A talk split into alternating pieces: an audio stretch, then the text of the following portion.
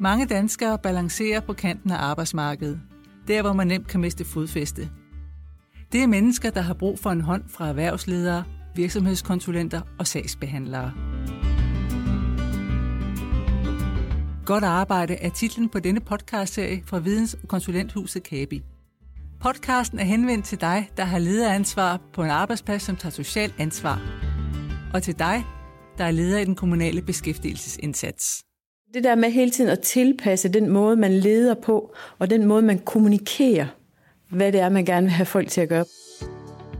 I denne episode giver souschef Ea Nielsen og seniorkonsulent Trine Thomsen fra Kabi deres bud på, hvordan ledere i den kommunale beskæftigelsesindsats kan omsætte de frihedsgrader, lovgivningen åbner for.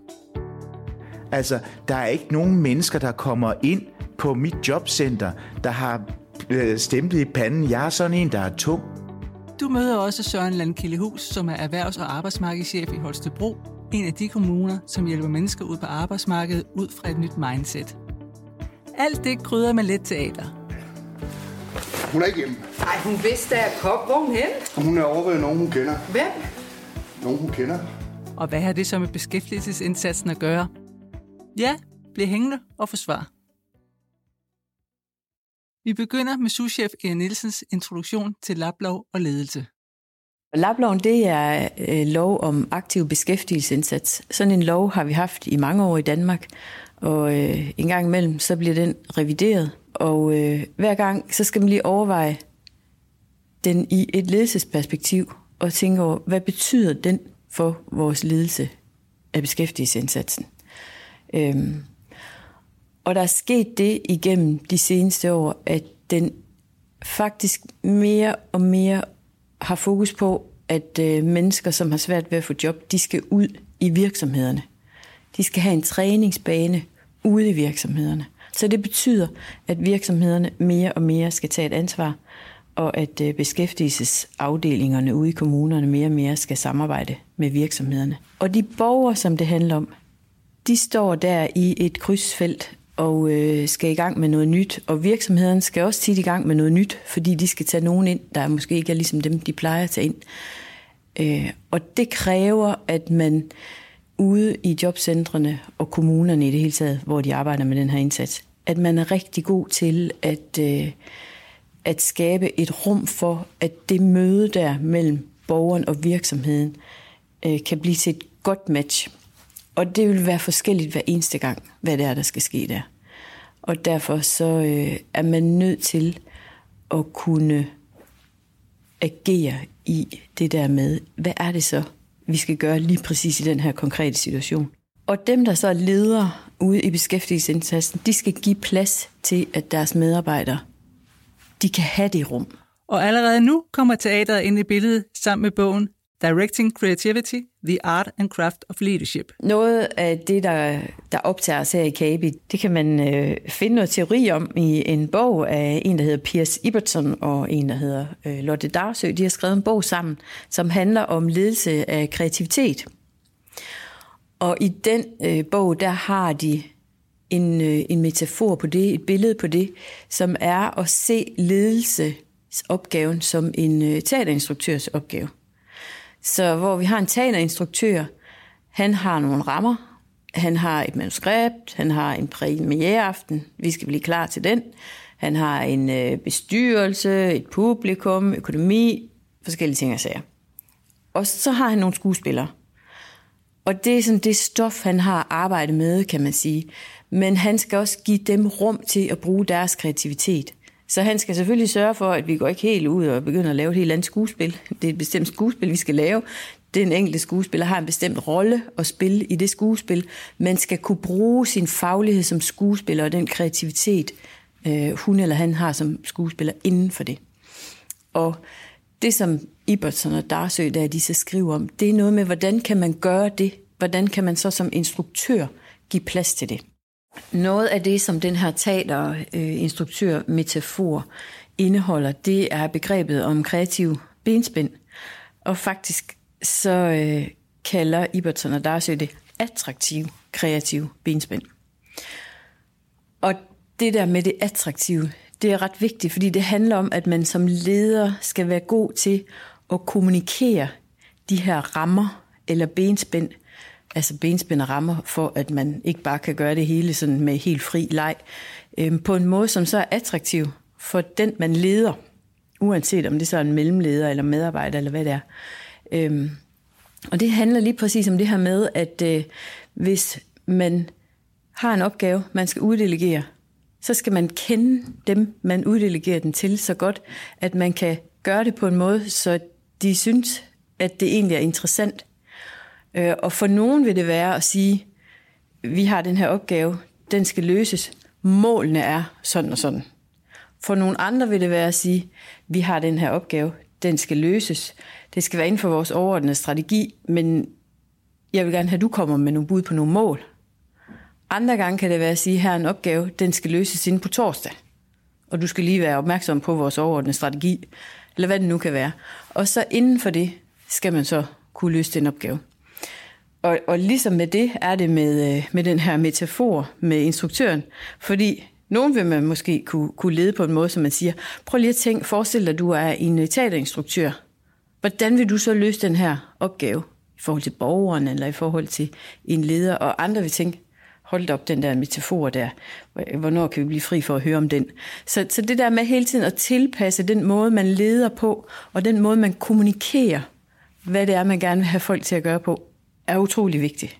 At man kan kommunikere det på en kreativ måde, og så finde ud af, ja, en attraktiv måde faktisk, og så finde ud af, hvad det er, der er attraktivt for, for den enkelte person, som man leder. Og det vil være forskelligt. Hvad er det for et potentiale, Ea Nielsen ser? Jeg tænker, at potentialet ved at se på ledelse på den her måde ude øh, i beskæftigelsesindsatsen, det er, at øh, man i højere grad kommer til som leder at involvere sine mellemledere, sine medarbejdere, når man skal finde løsninger på nogle af de udfordringer, man står med. Øh, og det betyder også, at man så i højere grad kommer til, ikke sådan kommer til, men at man kan se værdien i, og derfor også gør det, og involvere de borgere, man har med at gøre, og de virksomheder, man har med at gøre, i at finde nogle løsninger. Øh, jamen, skal, skal vi så ikke tage den herover fra... fra øh, Øh, måske noget med, at du skal ind til mor. Ja. Og sige hej. jeg sige hej.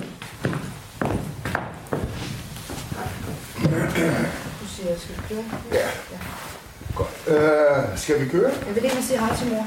Nå, jamen, det, det, På Teater Svalegang i Aarhus er prøverne til forestillingen Æblet falder i fuld gang. Og i Holstebro Kommune er erhvervs- og arbejdsmarkedschef Søren Landkildehus i gang med at implementere den seneste lablov i organisationen. Ledelsesopgaven i beskæftigelsesindsatsen i dag er øh, for mig at se meget paradoxal. På den ene side, så øh, skal vi øh, løse en, øh, en meget klar resultatorienteret opgave med at få borgerne i øh, beskæftigelse eller i uddannelse. Men samtidig så er der blevet øh, lagt nogle øh, nye linjer omkring øh, frihedsgraderne. Og det betyder faktisk, at vi skal redefinere måden, hvorpå vi løser den opgave, vi har. Netop fordi vi tidligere har skulle bruge øh, sanktioner og regler til at øh, lykkes med vores opgave, så skal vi nu til at finde på nye måder at gøre det. Jeg bliver meget inspireret af teatermetaforen. Øh, for mig så øh, øh, er hele det her øh, begreb om, øh, hvordan vi i scenesætter øh, mødet med borgeren, øh, hvordan vi i scenesætter øh, vores forståelse af kerneopgaven, øh, og hvordan vi træder ind i forskellige rum i, øh, i forhold til en rolle. Øh, og den, hvad er det for nogle roller, vi indtager? Øh, både sådan rent formelle, men også uformelle roller. Øh, og, øh, og hvad betyder det så for ledelse at, øh, at indtræde i en instruerende rolle? Altså jeg synes, det der er fantastisk ved metaforen, det er jo i virkeligheden, hvor er instruktøren på scenen og skuespillet, det bliver opført. Vedkommende er der ikke. Det skal nemlig ikke handle om ledelsen i kerneopgavens udførelse. Det handler om de aktører, der rent faktisk skal være på scenen. Og der bliver vi også nødt til at sige, jamen hovedrolleindehaveren, det er borgeren. Så hvad betyder det for vores faglige selvforståelse, at vi nu pludselig er blevet statister i borgerens liv? Det er ret spændende at øh, gå ind i, øh, i de her refleksioner, fordi vi også kan se, hvornår er det, at der er nogle borgere, som ikke er parat til at tage hovedrollen. Hvad betyder det i virkeligheden, at nogle gange så skal vores medarbejdere være, være dem, der får Oscar'en for Best Supporting Actor, fordi det faktisk var deres indsats, der gjorde, at borgeren kunne shine. Den der begejstring, eller den, den glæde, han har ved, at nu kommer hans datter, og de skal på udflugt sammen. Øh, det, det er skønt, du løfter den. Øh, og også fint, at du er mere øh, i panik over, at hun går ind og opdager, at mor ikke er hjemme. Så, så den er fin. Når var dit eget forslag med, hvordan du får noget frem, hvordan var det? Altså, hvad, det var at stryge den der, når hun accepterer, at nu skal vi køre. Spørger man Søren Landkildehus, om der er lavt hængende frugter at plukke i omstillingsprocessen, siger han. Og jeg tænker, jeg tænker når, når, når man øh, er inde på, hvad kan være øh, lavt hængende frugter og hårdnødder i den her sammenhæng, så mener jeg faktisk, at man kommer til at øh, tale ind i et gammelt paradigme om, jamen, øh, hvordan er det, at ledelsesopgaven traditionelt set har været forstået. Og der bliver jeg bare nødt til at sige, jamen, øh, hvis vi skal gribe lovgivningen med nye frihedsgrader godt nok under tilsyn, og at vi lader os inspirere af teatermetaforen, så kan vi ikke længere tale om lavt hængende frugter eller hårdnødder. Så er det ledelsesopgaven at skabe nye scener – så er det ledelsesopgaven at, øh, at være skarp på at sige, jamen hvis jeg er god til at sætte rammen for, at mine medarbejdere rent faktisk lykkes, så bliver jeg også stærk i at få fortalt, både på det lokalpolitiske niveau, men også til det nationalpolitiske niveau, at ja, der er en grund til, at der er forskelle mellem kommunerne. For når vi møder borgerne på scenen, hvor de er en del af det samarbejde, som vi skal lave, at de er en del af kollegaskabet, så bliver det jo for Holstebro Kommunes vedkommende jo 11.000 forskellige måder at lave det samme samarbejde om, nemlig samarbejdet om, hvordan kommer jeg videre i mit liv. Og det er det, man nogle gange glemmer i den nationale dagsorden, at man tror, at det hele kan bare være ensartet, fordi vi er jo kun 5 øh, millioner, eller er det 6 millioner, vi er. Øh, og og det, vi er sådan et lille land, så det bør ikke være så stor forskel. Forskellene er der, fordi det stærke ved Danmark er, at vi er de her individer, vi er.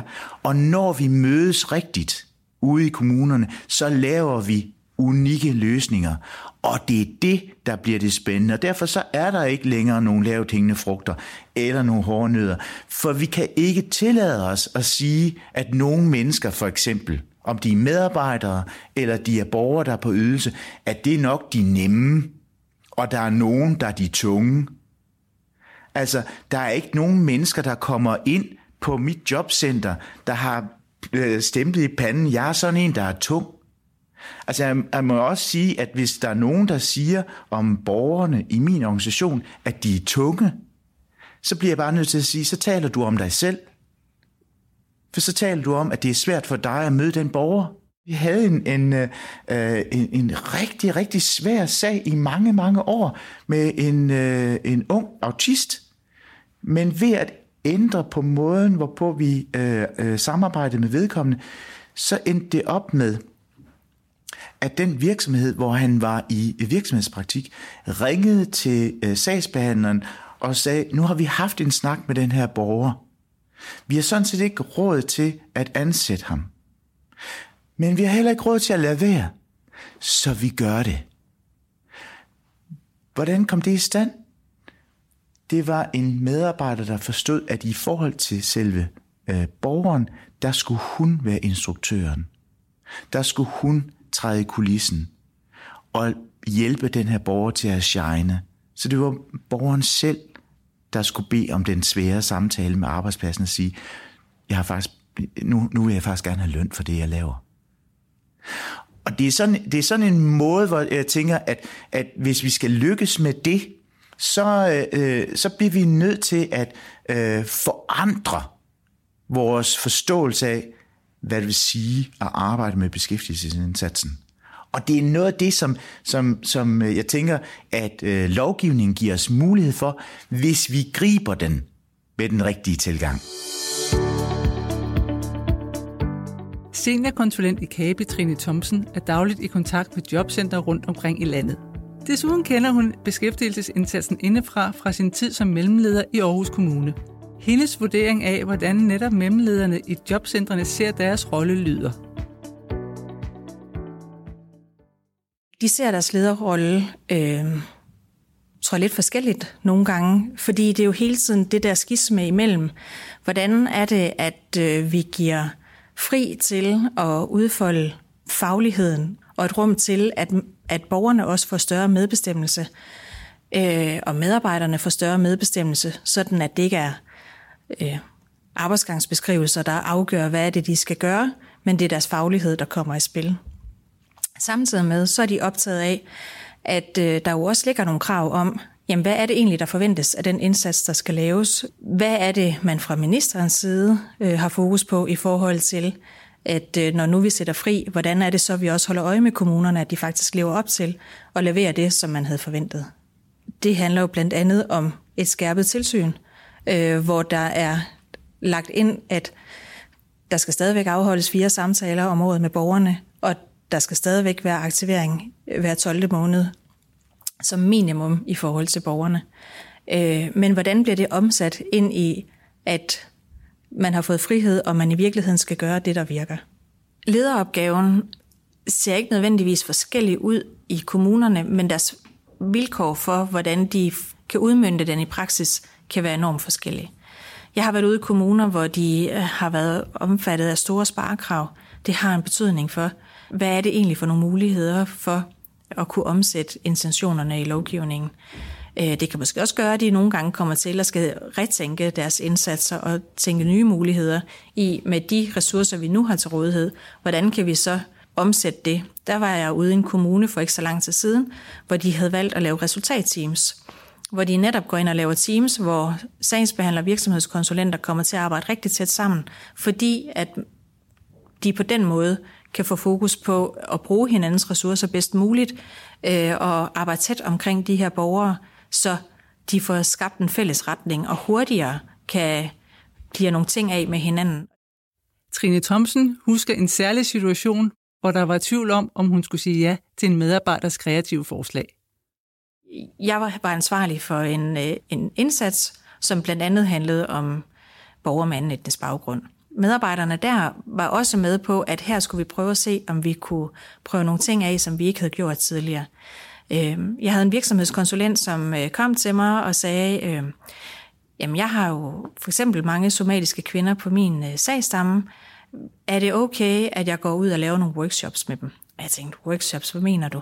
Fordi at øh, i min forståelse af, hvad workshops er, så kræver det et ret stort setup og powerpoints og øh, lokaler og tidsforbrug, øh, og sandheden er jo også bare, at der også er travlt, øh, og at ressourcerne også skal prioriteres. Det havde jeg nogle snakke med hende om, at øh, det her det var ikke noget, der skulle være voldsomt ressourcekrævende, og det skulle heller ikke øh, være noget, hvor hun skulle ud og bruge penge på en masse nye lokaler, eller der skulle udvikles en masse materiale. Øh, og det var hun egentlig med på.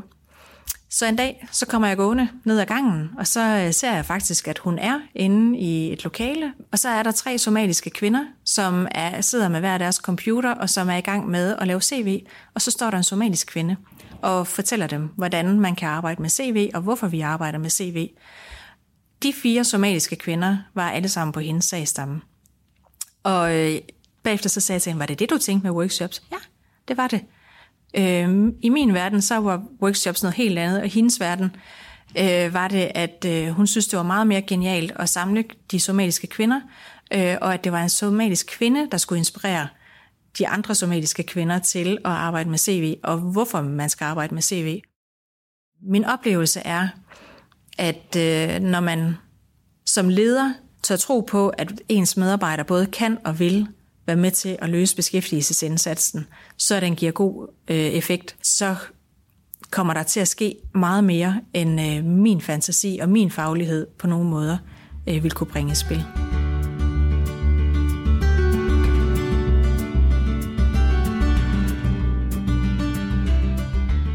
Denne podcast er produceret af journalist Dorte Lund, Mediehuset Periskop. Tak til Teater Svalegangen, fordi vi måtte være med under forberedelsen til forestillingen Æblet falder, skrevet og instrueret af Hans Rønne. Du hørte skuespillerne Marie Mondrup og Jesper Hyllegård.